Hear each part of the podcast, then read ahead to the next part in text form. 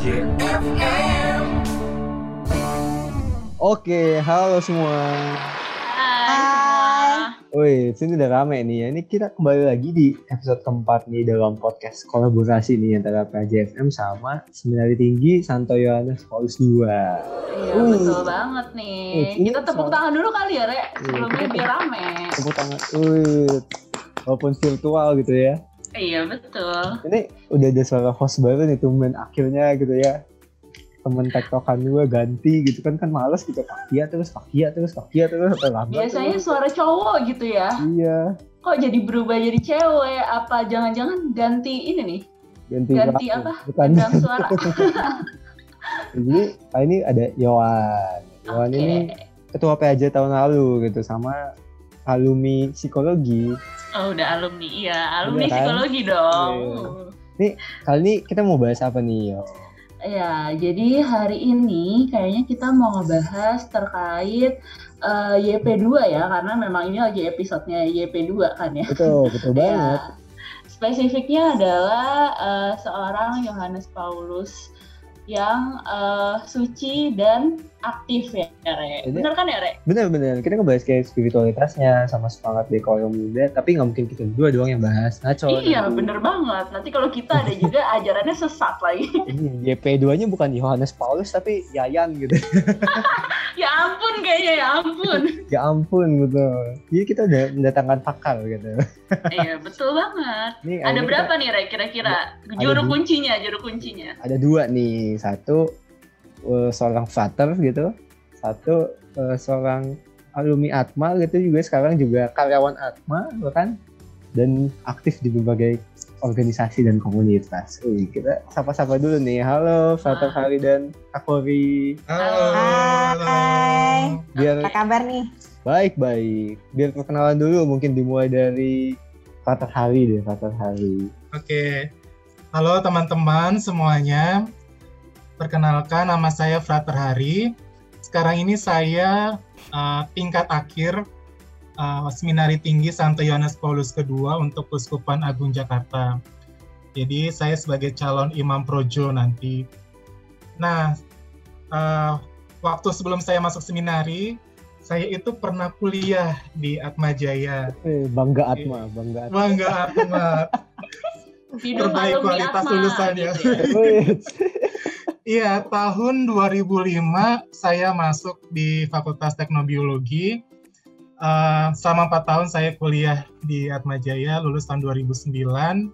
Kemudian sempat kerja, sempat kerja selama Hmm. tiga tahun di salah satu perusahaan yang bergerak di bidang laboratorium untuk eh, supplier alat-alat eh, untuk keperluan di eh, laboratorium gitu.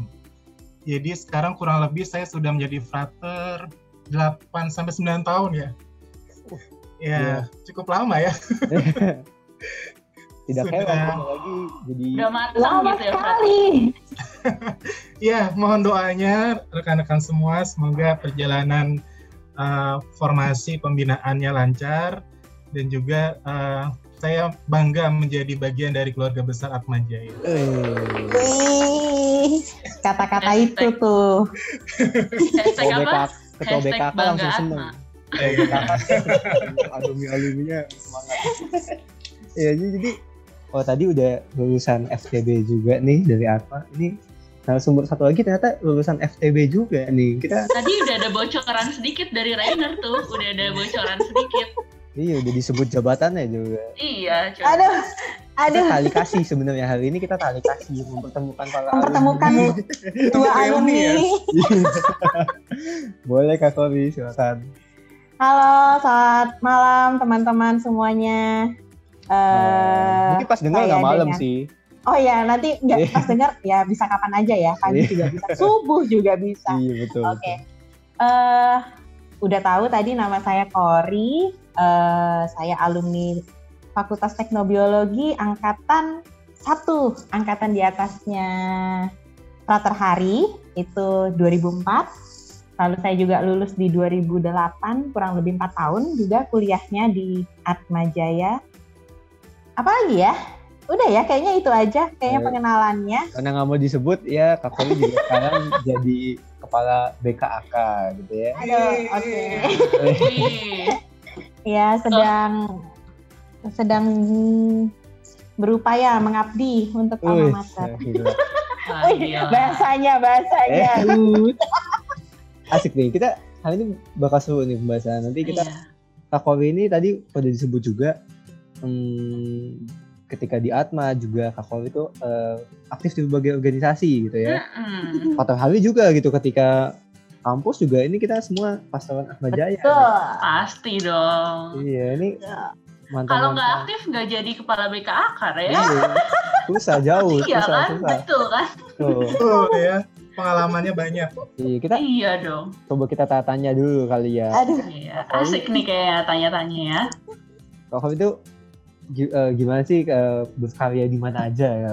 Kalau dulu kan tadi kalau kuliah sempat di pastoran, sempat juga di organisasi lain. Boleh diceritain deh sampai sekarang. jadi aku ceritainnya dari zaman kuliah nih. Boleh, boleh. Singkat-singkat Ah. boleh. Oke, singkat-singkat ya. Kalau waktu kuliah itu pertamanya sebenarnya masuknya di UKM Poli. Wah, UKM bola voli gitu ya. Nah terus eh, ya karena rumah jauh apa segala macam akhirnya nggak nggak terlalu sering latihan. Akhirnya ya eh, cuma sempat beberapa kali aja lah gitu. Nah terus baru 2005 Januari akhir kayaknya baru masuk ke pastoran. Pertama tuh jadi panitia eh koordinator keamanan. Wih, Sangar nih ya, Dari- sangar dong. Kelihatan ya badannya ya. jadi dari eh, jadi koordinator keamanan untuk ini Paskah Paskah 2005 Oke. Mm, baru setelah itu eh, lanjut ya macam-macam ya dari perlengkapan seringnya sih perlengkapan sih dulu nah Ngangkat-ngangkat terus gitu. hab- ngangkat-ngangkat terus ya macam-macam lah nego terpal nego HP gitu kan. Wah, BPS itu mantap. pokoknya sekarang tuh ya kalau ketemu sama bapak-bapak yang karyawan BPPS dulunya tuh wah kalau mbak ini aku kenal. Jadi dulu tukang keluar masuk BPPS lah ya. Nah terus eh, ke mana lagi ya? Oh dulu bantuin ini juga eh, senat. Di senat mahasiswa teknobiologi dari awal pendirian senat terus tiga tahun di senat eh, lanjut selama itu juga masih ada di pastoran dari kategorial band, kategorial eh, dari eh, Oh, itu TIC awal juga. band gitu ya? Ya itu benar-benar awal band. Awal banget tuh. Heeh. Apa nih, manajer ya, manajer band. ya? Iya iya benar. Saya dimintanya untuk jadi sekretaris sama bendahara. Terus aku bilang Wow. kalian mau ngapain? Ada sekretaris sama bendahara di band. Coba deh pikir apa Hmm. coba kan? Pokoknya nggak mau tahu. Pokoknya tiap kali kami latihan harus ada elu. Hah? ya udah deh akhirnya oke oke. Jadi mereka latihan band saya tidur di sebelahnya. Nah, terus lanjut lagi. Oh, dulu seringnya, dulu masih zaman-zaman boleh ngamen ya. Jadi Oh, ada iya, masa tuh di mana setiap weekend dalam satu tahun itu saya selalu bantuin entah panitia apa pun pastoran itu pasti saya bantuin ikut ngamen. Soalnya tahu rasanya gimana jadi seksi danus yang susahnya Hmm. nyari dana. Darah-darah ya, gitu ya kan. udah, coba. ginjal. Uh, jadi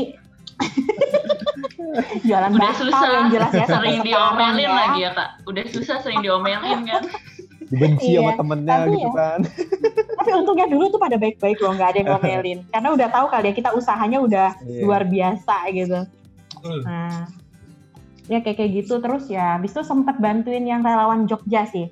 Nah di relawan Hmm. Jogja ini nih aku lebih kenal banyak anak-anak mapala yang tampangnya tuh sangar-sangar gitu kan. Tapi tuh hatinya ya ampun Hello Kitty banget seriously. Hmm. Di situ eh, mata saya mulai terbuka. Oh ternyata orang-orang ini nih eh tampangnya aja yang kayak gitu. Padahal anak-anaknya sebenarnya asik-asik dan baik-baik gitu. Apalagi ya, habis itu mulai masuknya ke organisasi di luar. Jadi yang temu moderatoris, terus temu mahasiswa yang barengan sama PMKJ Hmm. unit selatan dan yang lainnya. Terus akhirnya masuk juga di Sahabat Insan. Eh, belum Sahabat Insan. Dulu kita relawan bela rasa kita itu dari PKR KWI. dengan Romo Ismartono SJ. Nah, akhirnya sampai di Sahabat Insan, baru akhirnya karena itu juga mengenal teman-teman yang ada di BRK itu kebetulan itu juga eh, apa ya perintis-perintisnya magis di Jakarta di Indonesia lah. Perintisnya magis di Indonesia itu tahun 2008 jadi sebenarnya aku eh, sempat tahu dulu tapi belum ikutan di magis itu. Hmm. karena magis dulu kan persiapan untuk World Youth Day ya Hmm. awal-awalnya gitu. Nah, terus akhirnya di 2013 baru bisa ikutan magis. Dari magis akhirnya berkembang eh, ke arah mengikuti jadi dari delegasinya magis itu untuk ikut di temu kebangsaan, forum temu kebangsaan untuk lintas agama dan kepercayaan. Lalu akhirnya ke arah YCS gitu kan Weh. untuk membantu YCS itu sejak Februari 2018 kalau nggak saya batch pertama ya Betul, sampai betul. Ha, sampai sekarang. Lalu akhirnya bantu juga revitalisasi dua ikatan alumni. Itu ikatan alumni fakultas untuk yang kanobi dan juga Hmm. satu lagi ikatan alumni universitas yang akhirnya kita coba bentuk awal dulu dengan acara alumni day waktu itu di 2018 28 Oktober 2018 dan nggak tahu kenapa akhirnya eh, Alah BKK. Ketarik. ketarik sampai jadi karyawan Kori Langsung kepala lagi ya, langsung kepala mengap coba. di Uh, Atma Jaya banget tadi semuanya udah alumni diurusin, Iya. YCS yang Katolik studentnya Atma dibantu, udah lengkap banget. Sebenarnya sih yang ngurusin ikatan alumni fakultas itu karena ngerasa bersalah juga sih ya. Sebelumnya tuh sempat jadi pengurus tapi akhirnya lama-lama hilang semua gitu. Ternyata ini membayar juga, membayar hutang. Nah, itu itu membayar dosa itu. api penyucian, api penyucian. Menarik Iya. banget. Ini nanti kita bahas lebih lanjut, tapi itu kalau kita bahas satu-satu bakal berjam-jam. Iya. Iya. Gitu Makanya ya. kan Re, makanya Atma Jaya iya. itu emang gak salah gitu pilih kepala BKA. Ini banyak banget Iya. pengalamannya kan ya Re. yang yang dengar udah lagi pusing magis apa YCS apa ini. Iya. Udah nanti aja lah ya, nanti aja kita bahas. Heeh, hari dulu nih, di, bentar. Hmm. Ah, dia tuh mantep juga loh. Nah. Iya, Keaktifannya kalau juga menarik gitu ya. Dari Frater Hari nih, coba boleh dong di sharing juga ke kita nih. Oke, Eh, saya kurang banyak pengalaman. Kori itu lebih banyak pengalamannya nih. Saya agak agak minder kalau ketemu dengan Kori. Jadi karena Wah. saya lebih muda dari Kori sebagai kakak kelas saya, saya sangat hormat. Eh, ya, Shifu. Kalau saya di Atmajaya itu eh, cuman jadi ketua wilayah Fakultas Cuman, Teknologi. cuman. Cuman ya kayak gitu tuh ya. Aduh. Santo Franciscus Assisi ya waktu itu tahun 2000 2006 atau 2007. Nah di sana saya ingat tuh eh, pengalaman yang saya ingat sampai sekarang pernah mengadakan ibadat bersama dosen dan eh, mahasiswa. Wah itu keren banget. Kenapa keren? Biasanya tuh kan yang namanya profesor-profesor ya kan.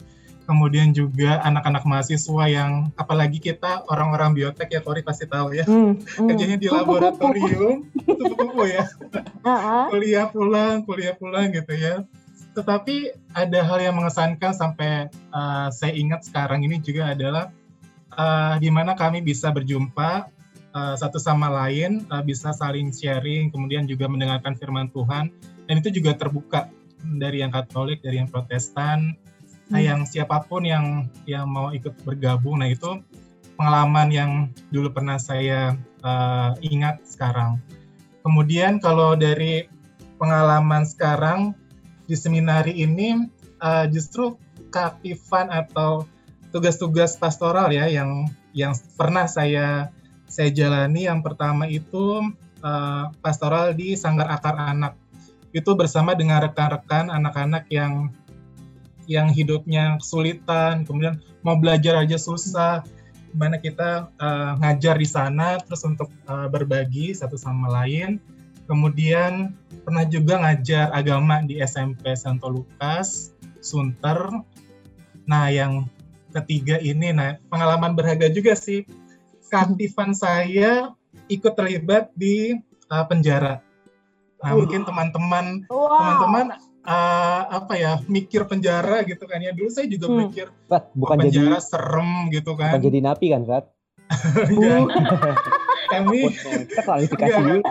kami pelayanan pelayanan rohani itu Hmm. uh, ekaristi kemudian juga ada ibadat sabda kemudian pelayanan-pelayanan sakramen ada romonya juga dan saya membantu uh, sharing iman dan seterusnya itu di kayak lapas Acipina kemudian di Salemba Wow. nah itu seru banget tuh bersama dengan rekan-rekan yang kami bilangnya warga binaan ya warga binaan. Uh, pengalaman mereka dahsyat-dahsyat ya dan itu juga saya belajar dari mereka. Dan yang terakhir nggak terakhir sih uh, saya terlibat di kalau teman-teman tahu itu namanya ruang Carlo di rumah sakit Santo Carolus itu pelayanan Hmm. kepada mereka yang HIV AIDS.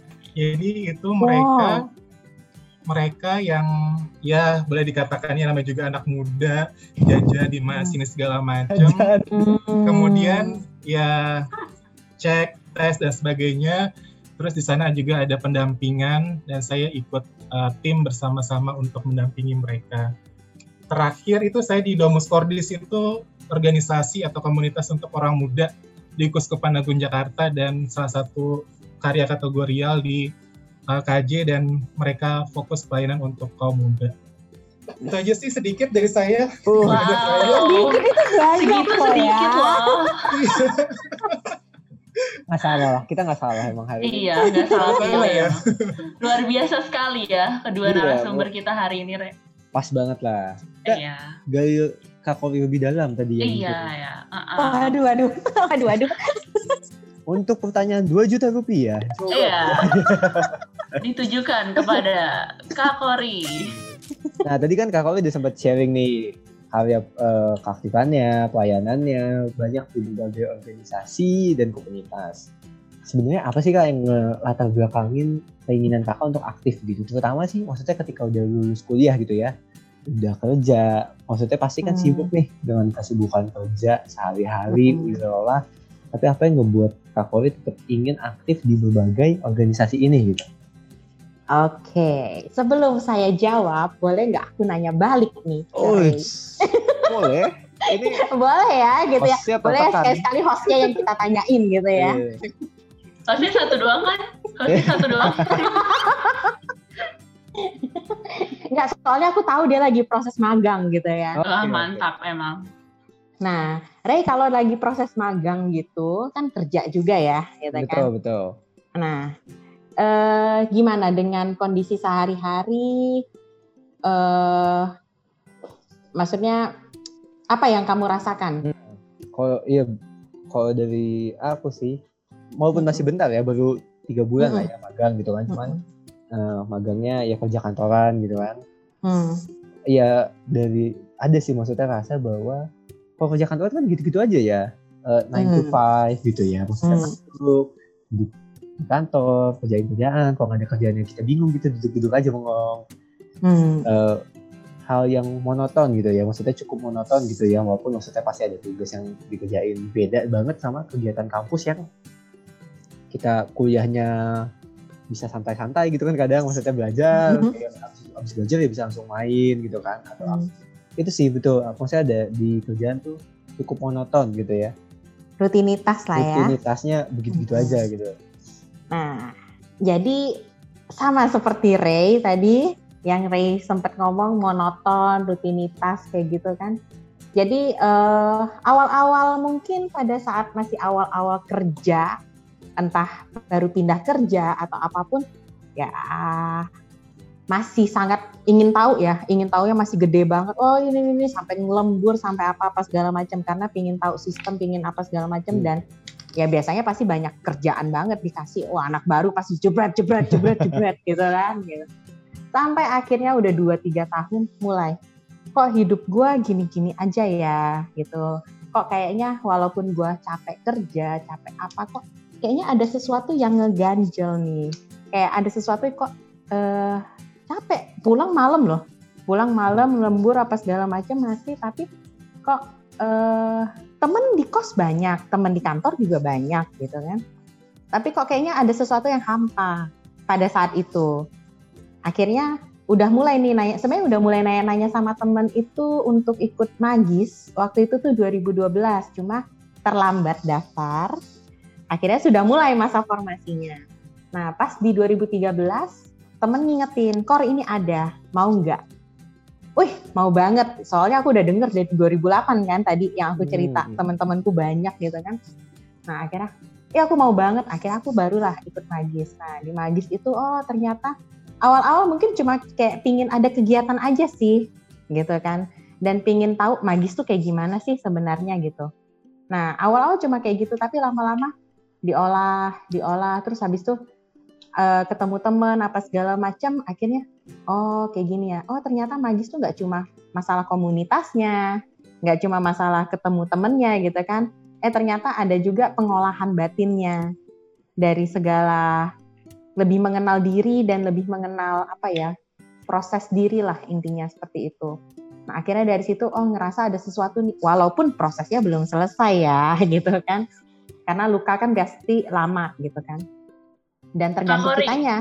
Ah. Kak Kori, sorry nih, sebelum semakin jauh nih, eh, boleh diceritain sedikit nggak sih magis itu tuh apa gitu? Siapa tahu nanti yang dengar Oh. bertanya-tanya, magis itu apa? Kok dari tadi Kak Hmm. Kori nyebut magis-magis itu loh. Oke, Jelasin ini aku dikit jadi lah. kayak tim promosinya magis nih ya. Biar nggak bingung gitu, biar kita tetap Oke, se oke. ini Hari sehati ini gitu. semuanya kita Nggak rooming, nggak rooming. Iya. Kali ini semuanya kita promosiin FTB, atau aja seminari magis, semua apa aja dah. Yuk borongan kita borongan. Borongan-borongan ya.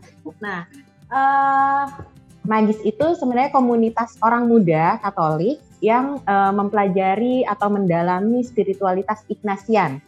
Sebenarnya nggak jauh beda sama YCS ya. Kalau YCS kan adanya di kampus Atma untuk Betul. pertama kalinya ya di Indo. Siswa Nah. kalau itu untuk siswa. Oh, untuk Oh, siswa YCS. ya. Masih Ah. Iya. WCS. Nah, terus eh untuk magis nih biasanya rata-rata ada juga mahasiswa yang ikut, tapi rata-rata udah pada eh, kerja juga Hmm. gitu. Jadi, Kalau teman-temanku sih ngikutnya udah pada saat mereka mau lulus ya. Hmm, hmm. Oke, oke. Nah, itu karena kita mempelajari eh, mendalami spiritualitas Ignatian, akhirnya eh ya itu ada proses sejarah hidup di mana eh, kita melihat lagi eh, proses-proses kita dari kecil gitu kan sampai besar tuh seperti apa, apakah ada ya trauma, luka-luka dan segala macamnya. Terus kita olah segala macamnya sampai nanti eh ke arah diskresi. Nah, yang sehari-hari akan digunakan itu Hmm. adalah eksamen untuk mengetahui eh, kondisi batin setiap hari, Betul. gitu kan. Lalu kita mendiskresikan eh, apa ya, menimbang-nimbang ya untuk melakukan A atau melakukan B untuk segala sesuatunya. Simple, simple. Yang paling simple adalah Ini berarti yang paling simpel apa? Kayak kita mau makan. Gue udah sebenarnya tadi udah makan sih masih kenyang. Gue makan lagi apa kagak ya? Hmm, itu itu proses menimbang loh sebenarnya kan tanpa sebenarnya. disadari gitu kan. Nah itu juga salah satu sebenarnya proses diskresi juga.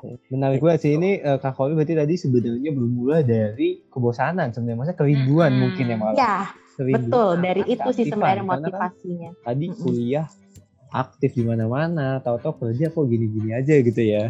Tapi masih merasa sepi gitu ya. Tuh, jadi Heeh. mungkin kerinduan akan keaktifan itu ya dan Kak Koli juga maksudnya kebetulan nemu gitu organisasi yang juga maksudnya untuk mengembangkan spiritualitas gitu ya maksudnya Mm-mm. Iya, dari segi eh, spiritualitas juga dikembangkan gitu. Betul. Awal mulanya Akademik akhirnya oke. yang lain. Non akademik oke, Iya. spiritualitas oke. Gimana Oke coba itu? banget. Oke Ah, banget Akademiknya oke loh, Kori. sosok. ya kan? Ini prestasi sungguh sangat memuaskan. Uh, ini oke banget makanya Koli udah eh, suci dan pandai. Waduh, waduh, waduh, waduh. berat terlalu berat ya labelnya nah mungkin bisa cerita juga sih kak em, Heeh. salah satu mungkin em, dari keaktifan ini gitu ya maksudnya dari Mm-mm. keaktifan yang udah kak Koli laksanakan buat kak Koli sendiri maksudnya apa sih dampaknya dan selain itu maksudnya pasti kan ada nih tantangan-tantangan yang ada Mm-mm.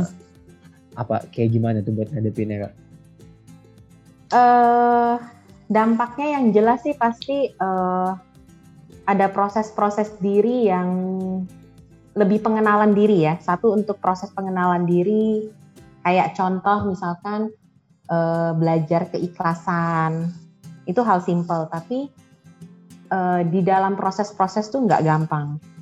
Jadi di saat itu akhirnya uh, menyadari diri bahwa oh kadang-kadang nih berbuat baik, berbuat uh, berpikir itu tuh hal yang baik apa segala macam, tapi di saat bahkan teman baik sekalipun, gitu kan, uh, mulai uh, kok lu kayak gini sih? Gini gini gini. Lu pingin gini gini ya? Maksudnya kayak dituduh ingin ngapain gitu kan? Terus kayak hah? Bahkan lu nuduh gua untuk maksudnya kayak gini gitu. Maksudnya ada motivasi tersendiri gitu kan? Kayak ah padahal cuma mikirnya cuma bener-bener. Enggak kok gue bener-bener cuma mikirnya oh kali aja orang lapar ya udah gue siapin makanan aja cuma just simple itu doang gitu loh. Gitu kan? Da, ya tapi ternyata seperti itu. Nah itu di situ mulai mengenali lebih lebih dalam sebenarnya oh uh, diriku tuh masih uh, untuk ujian-ujian tentang keikhlasan di saat kita mau berbuat baik apa segala macam tuh oh ternyata masih belum bisa lolos nih belum belum belum lolos belum lulus gitu istilahnya gitu kan. Nah jadi itu oh kayak gini. Oh terus nanti ada lagi fase-fase tertentu oh kalau misalkan uh, ada kondisi-kondisi seperti apa oh ternyata kecenderungan diriku nih seperti ini loh gitu. Jadi lebih ke proses pengenalan diri terus juga pasti pengembangan jejaring lebih banyak tahu tentang orang-orang lain terutama ya forum temu kebangsaan. Itu kan karena benar-benar lintas agama lintas kepercayaan tapi kita dieratkan dari uh, satu fokus yang sama. Jadi kayak tantangan masa depannya Indonesia dari kayak sudut pandangnya tuh anti korupsi, dari lingkungan hidup, dari pendidikan atau dan keberagaman dan yang lainnya kayak gitu kan. Nah itu tuh akhirnya kayak kita tuh gila. Seberapa tahu sih kalian tentang Sunda Wiwitan? Tahu nggak? Enggak. Ahmad Dia, Ahmad Dia pasti pernah dengar lah ya.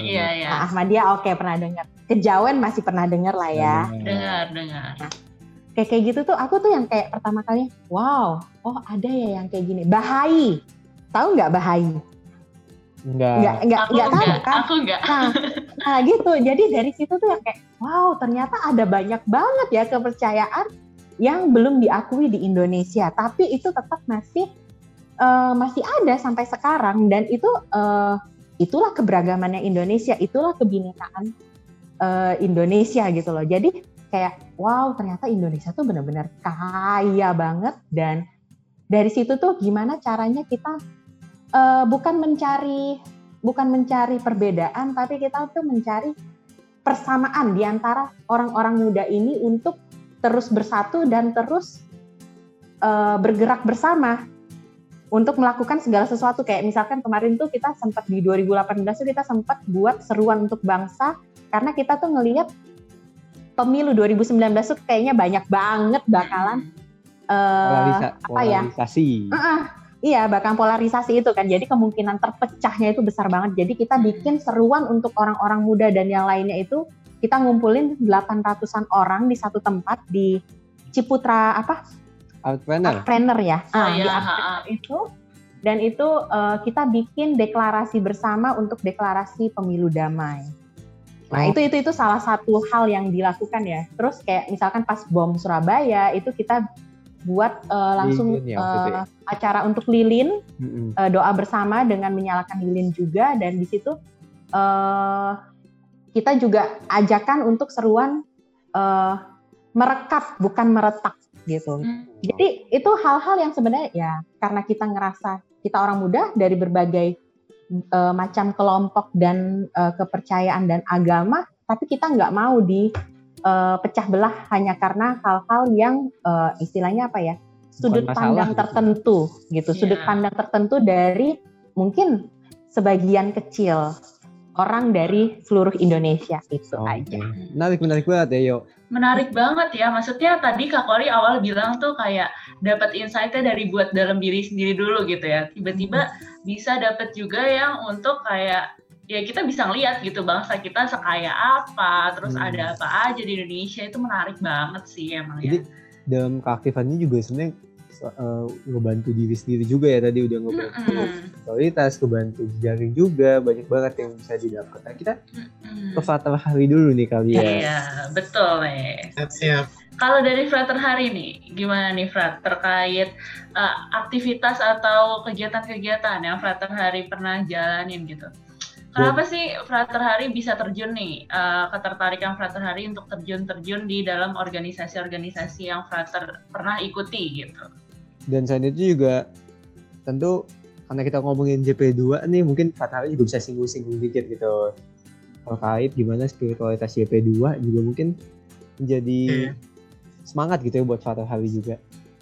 Iya. Um, tadi saya tertarik dengan uh, Cory gitu ya, dia bagaimana dari situasi kehampaan diri, kemudian mencari, menemukan dan uh, makna-makna itu yang menjadi menjadi spirit ya, menjadi spirit ketika dia uh, beraktivitas melakukan segala sesuatu. Uh, saya mulai dari pengalaman JP2 ya, pengalaman JP2 ini pribadi-pribadi yang uh, suci, uh, pribadi yang suci. Kalau teman-teman bayangkan suci itu bukan artinya apa ya suatu yang sulit dan sangat susah dibayangkan tetapi ini pengalaman yang sederhana pengalaman yang manusiawi dan itu pengalaman sehari-hari tadi Kori uh, cerita uh, ketemu dengan orang-orang lintas agama dan seterusnya gitu ya uh, pengalaman JP2 ini uh, pengalaman ketika dia mengalami keputusasaan dan pengalaman gelap nah di situ dia uh, mulai tuh mulai mencari mencari dan menemukan uh, arti atau makna dalam kehidupannya. Misalnya ketika pengalaman kehilangan. Uh, enam tahun sebelum lahir uh, JP2 itu kehilangan kakaknya Olga. Hmm. 9 tahun mamanya meninggal Emilia. Kemudian 12 tahun kakaknya Edmund meninggal. Terus usia 20 tahun bapaknya Carol uh, senior itu meninggal. Nah, jadi rekan-rekan bisa dibayangkan kan hmm. bagaimana situasi kehidupan seorang Santianus Paulus kedua dia itu ditinggal pergi oleh keluarga terdekat ya. Uh, tadi ya mungkin kalau bahasanya Kori kehampaan kehilangan makna, beliau tuh udah sangat-sangat ya kalau saya hmm. membayangkan sangat kehilangan sekali ya. Ada perasaan pasti uh, bersedih, putus asa atau segala macam, tetapi dia mampu memaknai kehidupan dan dia berjalan terus tuh kehidupannya uh, dibantu oleh orang-orang di sekitarnya ya. Jadi yang saya mau yang mau saya ambil adalah bagaimana pengalaman memaknai dan juga uh, satu kata kunci uh, saya tertarik dengan Yohanes uh, Paulus kedua itu tentang penyerahan diri. Nah itu penyerahan diri kepada Bunda Maria. Dia punya moto bagus totus tuus uh, segala milikku aku serahkan kepadamu. Kira-kira bunyi doanya gini, seluruh diriku menjadi milikmu dan semua yang kupunyai menjadi kepunyaanmu. Oh Yesusku yang manis melalui Maria ibumu yang suci ini. Jadi mudah-mudahan uh, pengalaman kehidupan JP2 dari ya situasi situasi juga sulit tadi kan ada tantangan-tantangan juga ya dalam kehidupan kita terus dia mampu memaknai dan itu berserah menyerahkan diri kepada Yesus dan Bunda Maria. Lagi perang dunia juga kan kayaknya zaman-zaman itu. Betul, betul. Ada situasi perang dan oh ya, saya ingat ketika itu uh, ada Jumat pertama. Hmm. Uh, beliau ini sangat uh, devosi kepada sakramen Maha Kudus, ya hmm. adorasi dan juga dalam misa Jumat pertama dan di situ ada tank-tank uh, berat dan ada rudal-rudal peluru uh, yang mau menghantam tetapi dia bilang gini, saya mau ikut Jumat pertama, maka aku akan tetap mengikuti Ekaristi. Wah, itu hal yang mengesankan banget ya. Keberanian beliau, kemudian kecintaan beliau kepada sakramen Maha Kudus, pada Ekaristi sebagai salah satu kekuatan juga di dalam kehidupannya. Gile, gue merinding dengernya. Gokil. iya, iya, iya. Apa ya. rasanya ya? Apa rasanya tuh di tengah-tengah perang gitu ya? Wow. itu nggak bisa dikatakan ya. Iya. Bayangin Mencekam gitu ya. penuh dengan horor gitu ya. Kayaknya gue nggak punya deh keberanian sebesar itu deh. itu dia makanya Yohanes Paulus II ini sosok yang menarik banget sebenarnya. Maksudnya hmm. dia kita tahu lah di episode sebelumnya kita udah bahas gimana dia dekat dengan orang muda gitu ya. Iya betul banget tuh. Mendukung orang muda banget. Saya maksudnya juga dulu pas jadi orang muda. Iya. Yeah. Kayak kayak kita gitu ya. Maksudnya maksudnya dia seorang yang punya hobi-hobi anak muda gitu ya naik gunung lah skating Betul. lah main bola Betul. gitu kan Hmm. tapi di satu sisi dia juga eh, ada sosok spiritualitas dia dan kesucian dia yang nampak gitu ya dalam kehidupannya sebenarnya Iya. dia kan juga seorang yang cukup dalam studi gitu sangat aktif gitu ya. dia juga maksudnya dulu kalau nggak salah dosen gitu kan ya Betul, betul. jadi gimana sih maksudnya eh, dari sosok dia yang dalam yang tekun nih dalam studi dan juga dengan semangat keaktifan dia di dalam karya-karyanya itu kayak gimana tuh Pak? Iya. Eh, saya terkesima dengan pengalaman hidup studi ya ketika awal-awal masa seminari gitu ya saya eh, sama Hmm. kayak saya itu seminarinya eh, di bawah tanah karena memang masih ada eh, pendudukan tentara-tentara tentara-tentara Nazi jadi tidak diperkenankan untuk ya kayak studi biasa gitu ya. Nah, kemudian dia eh, dia juga eh, apa namanya bekerja di pabrik pabrik kimia. Nah, Hmm. ketika dia bekerja itu mecahin batu apa segala macam ya, terus di itu juga ada kerja paksa, dia tetap meluangkan waktu untuk membaca. Itu itu gimana ya? Coba tanya Kori ya. Itu kalau kita dulu belajar gimana ya Kori? apa ketika di lab gitu. Lalu kita belajar apa enggak sih? Tapi suasana atau situasi yang boleh dikatakan tidak memungkinkan, suasana perang, kemudian juga dia bekerja karena itu harus kerja paksa. Seorang ya boleh dikatakan di bawah umur suruh kerja paksa dan dia tetap dia tetap uh, membaca buku untuk yaitu uh, mempelajari uh, hal-hal yang memang uh, dia butuhkan untuk informasi-informasi ya. Uh, bagi beliau melalui studinya ini, dia tuh mengambil bagian dalam bentuk karya pelayanan gereja. Nah, contohnya udah ada nih, Kori nih. Uh, kalau terinspirasi dengan JP2 itu ada kaitannya bagaimana hidup studi dan juga karya pelayanan. Tentu ketika kita berkarya, apa yang sudah pernah kita pelajari, hal-hal yang sudah kita entah baca, entah kita praktekkan, entah dosen uh, mengajar gitu ya, itu mengarahkan kita untuk mengembangkan diri dan juga jalan untuk menuju kepada sang kebenaran itu sendiri. Hmm. Maka ketika ketika kita sudah menggali informasi ya, entah bidang studi apa pun, psikologi, ekonomi, uh, kemudian bioteknologi dan seterusnya, ini membantu kita menjadi dengan informasi yang kita dapat menjadi transformatif ya. Bagaimana kita kemudian terbuka mengarahkan diri untuk melalui proses transformasi yang Kori bilang. Kemudian tadi kita bisa mengenal diri, kemudian kita bisa membantu sesama, bisa kita uh, pelayanan kepada uh, orang lain. Nah, kata kuncinya yang di sini uh, teman-teman perlu disadari dan juga kita semua ya, sikap kerendahan hati. Nah, kadang-kala ketika kita udah pinter gitu ya, Hmm. ori gitu ya, S1, S2, S3, profesor Belum. dan seterusnya. ya, someday gitu kan, Ya, menuju ke sana gitu ya.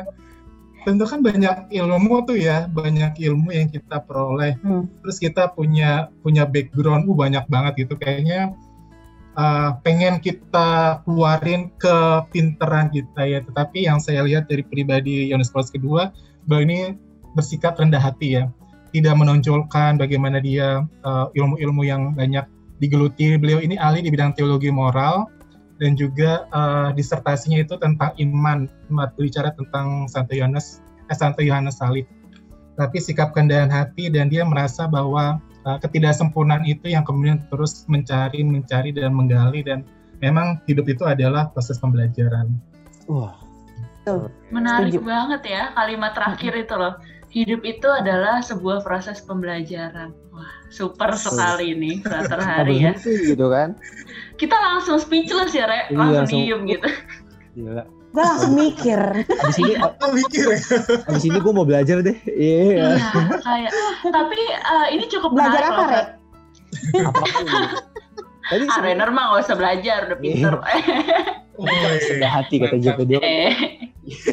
iya, rendah hati, rendah hati. yang dibilangin Fatal Hari itu menurut, menurut gue ya maksudnya eh, itu juga yang tadi eh, Kak Kori ceritain gitu dari pengalaman yang maksudnya cukup secara nggak langsung sebenarnya Kak Kori menjalankan spiritualitas JP2 gitu Mm-mm. kalau yang gue lihat ya maksudnya gimana eh, Kak Kori tadi aktif di magis gitu ya maksudnya di situ Kak Kori belajar maksudnya di situ Kak Kori mendapat banyak pengalaman gitu ya dan maksudnya nggak Hmm. sampai situ dan Kak Kori berusaha untuk eh, memberikan kembali gitu jadi pendamping di YCS gitu ngebantuin teman-teman mahasiswa gitu untuk memberikan pendampingan biar maksudnya teman-teman mahasiswa juga bisa ngedapetin yang si Kak Koli dapetin. Padahal waktu itu Kak Koli belum jadi kepala BKK atau maksudnya masih juga dengan kesibukan pekerjaannya cuman ikut sempat bantuin itu menurut ketika tadi bisa dengar situasi CP2 dan kebiasaan kayak gitu teringat gimana Kak Koli juga melakukan Aku boleh jujur nggak nih, Re? sebenarnya.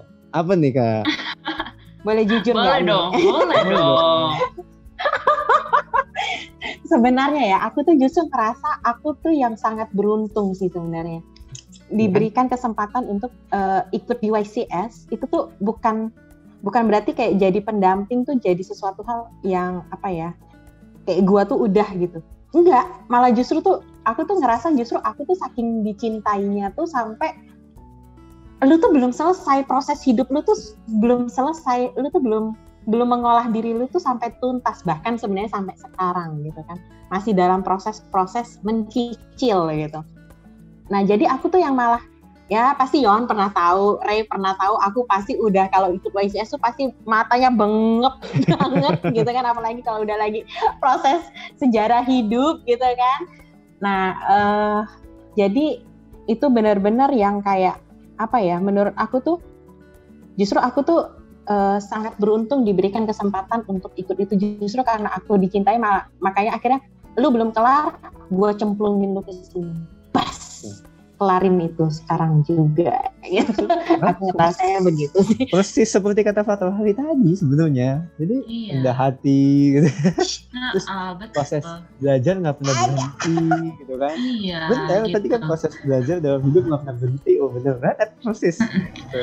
Tapi tapi iya loh, bener loh. Maksudnya menurut sharing dari Frater Hari dan juga Kak Kori dan pengalaman pribadi gitu ya. Maksudnya kayak setiap aktivitas yang kita jalanin ya pasti bisa aja gitu seimbang ya. Maksudnya kalau emang kita niatnya udah baik gitu ya, pasti bisa tuh seimbang antara studi sama perjalanan doa sama spiritualitas itu.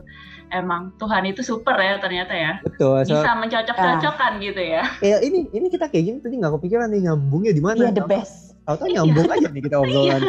Kita kepikiran nyambungnya di mana nanti. Uh, by the way, aku mau cerita sedikit tadi berhubungan tadi Yohan bilang bagaimana bisa seimbang ya hidup seimbang. Nah, Hmm. JP2 ini punya punya bagi saya ya seseorang yang seimbang hidupnya. Ya dengan tugas-tugas dia kegembalaan sebagai paus, ya tahu sendiri ya tugasnya Hmm. itu banyak.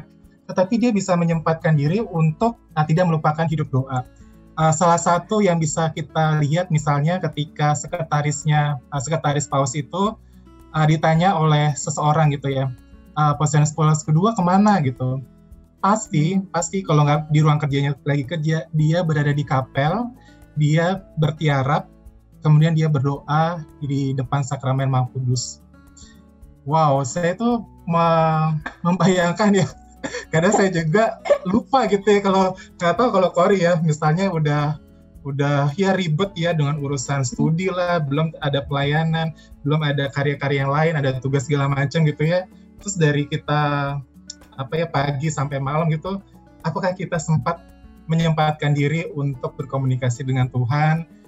Seorang sosok yang ya boleh dikatakan Yohanes Paulus kedua punya tugas yang banyak ya.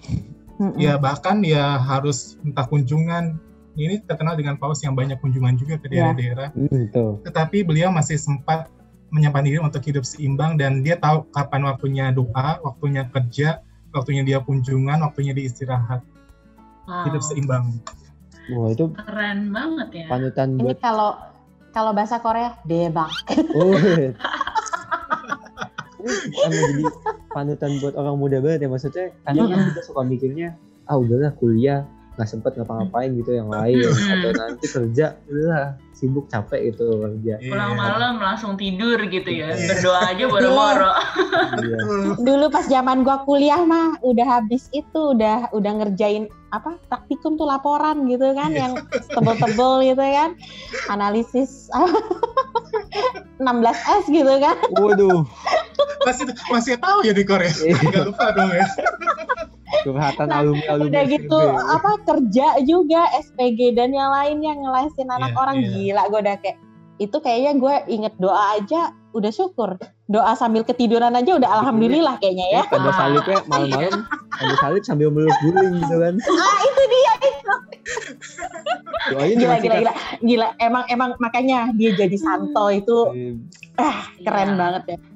Emang ini banget ya maksudnya tapi jadi contoh banget sih buat kita ya maksudnya bahwa sebenarnya tuh bisa gitu ya kalau kita mau Ya. bagi gitu kalau kita mau coba Mm-mm. seimbangin bahwa bisa enggak kita tuh nggak cukup buat jadi satu dimensi aja gitu maksudnya enggak bukan misalnya kita mikir oh udah fokus kerja kerja doang fokus studi studi doang bisa loh sebenarnya kalau kita mau imbangin juga Iya. segi misalnya Nggak salah lah ya. kita. Gak salah dibikin buku nih. Iya, oh jangan- iya jangan Oh, lupa Promosi ya, itu promo promo. kita hari ini pembahasan, sekalian. pembahasan kita kan pasti terbatas waktu hari ini ya kalau mau Iya. lebih lanjut baca buku Duta Damai dan Duta Damai dan Saksi Pengharapan. oh, dari Saksi pengharapan. mantap ini tentang lengkap banget dan tentang JP2 nya Iya Iya. dong.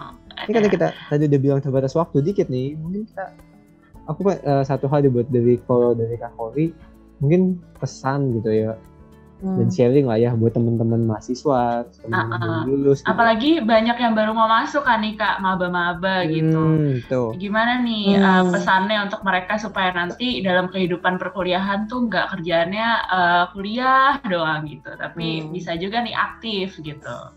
apa ya eh buat teman-teman yang masih maba ataupun masih berkecimpung lah di kampus jadi mahasiswa eh teman-teman kan pasti bayar ya kalau ini ini ini aku ngambilnya dari proses untung ruginya aja nih ya Iya. gitu kan cost nah teman-teman kan ini bayar gitu ya BC rasio Ah, ah.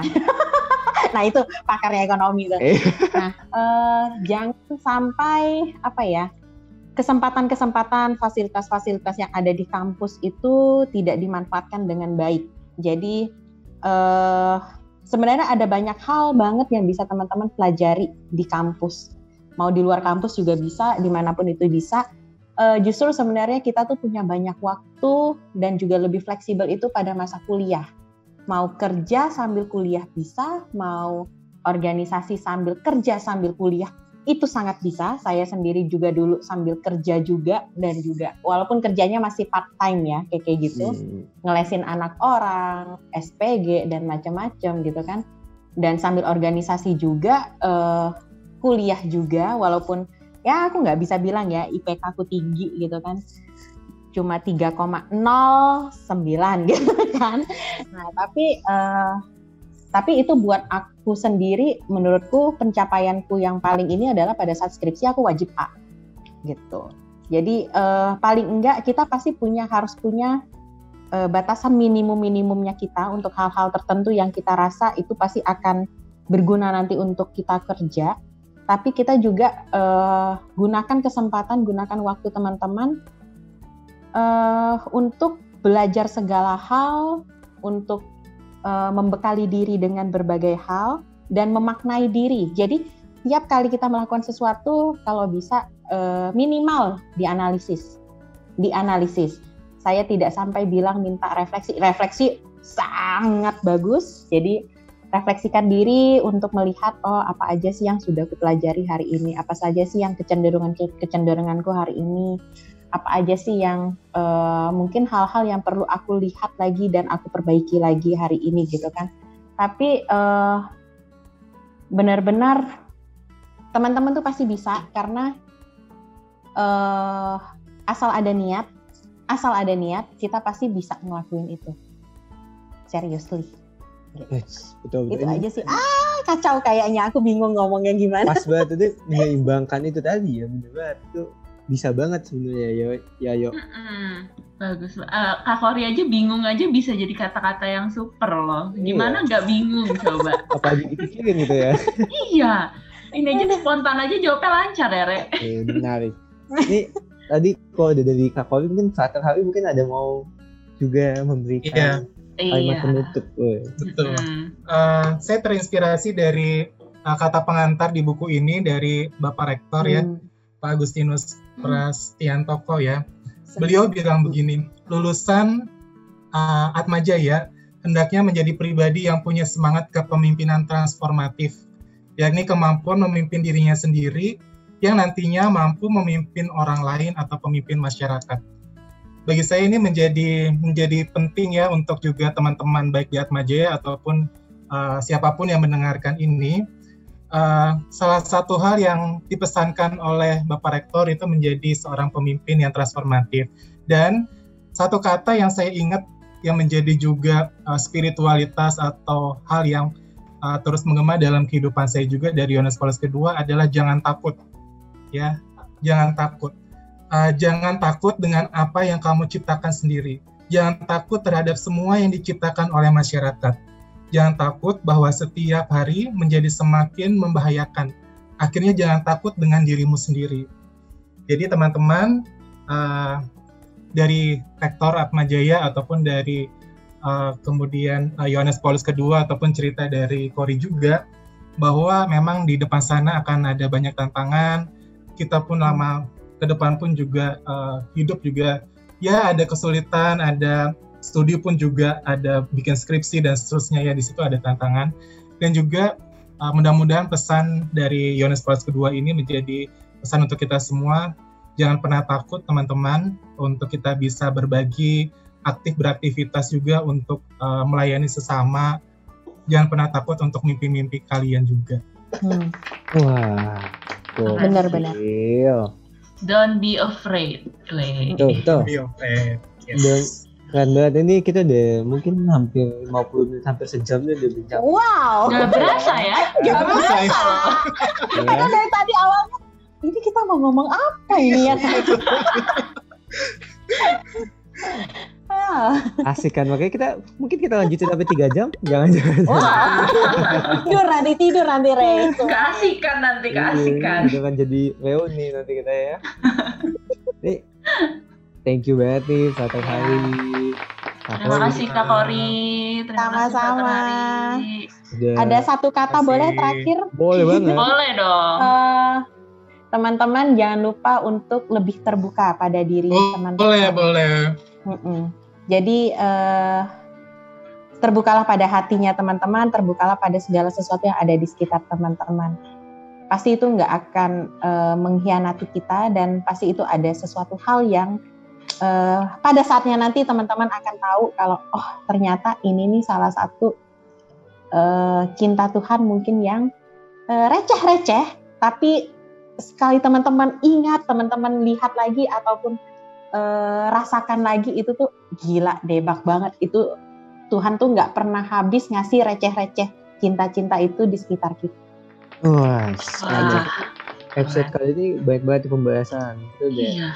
Banyak quotes-quotes bagus juga nih. Iya, Teman-teman wajib banget nih dengerin karena akan nemu quotes-quotes bagus di sini ya. Betul. Nanti kalau kalian menemukan kalimat-kalimat inspiratif boleh juga nanti kalian share gitu ya kayak Instagram jangan lupa tag kita at iya jangan lupa dong underscore PAJ dan at Carter Sojak. Iya.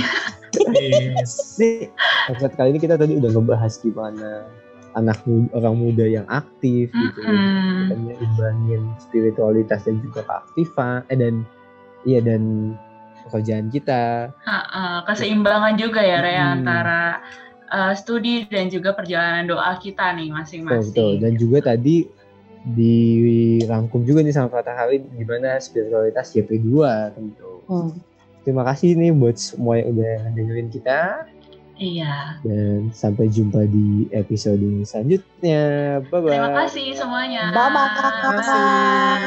Sampai jumpa.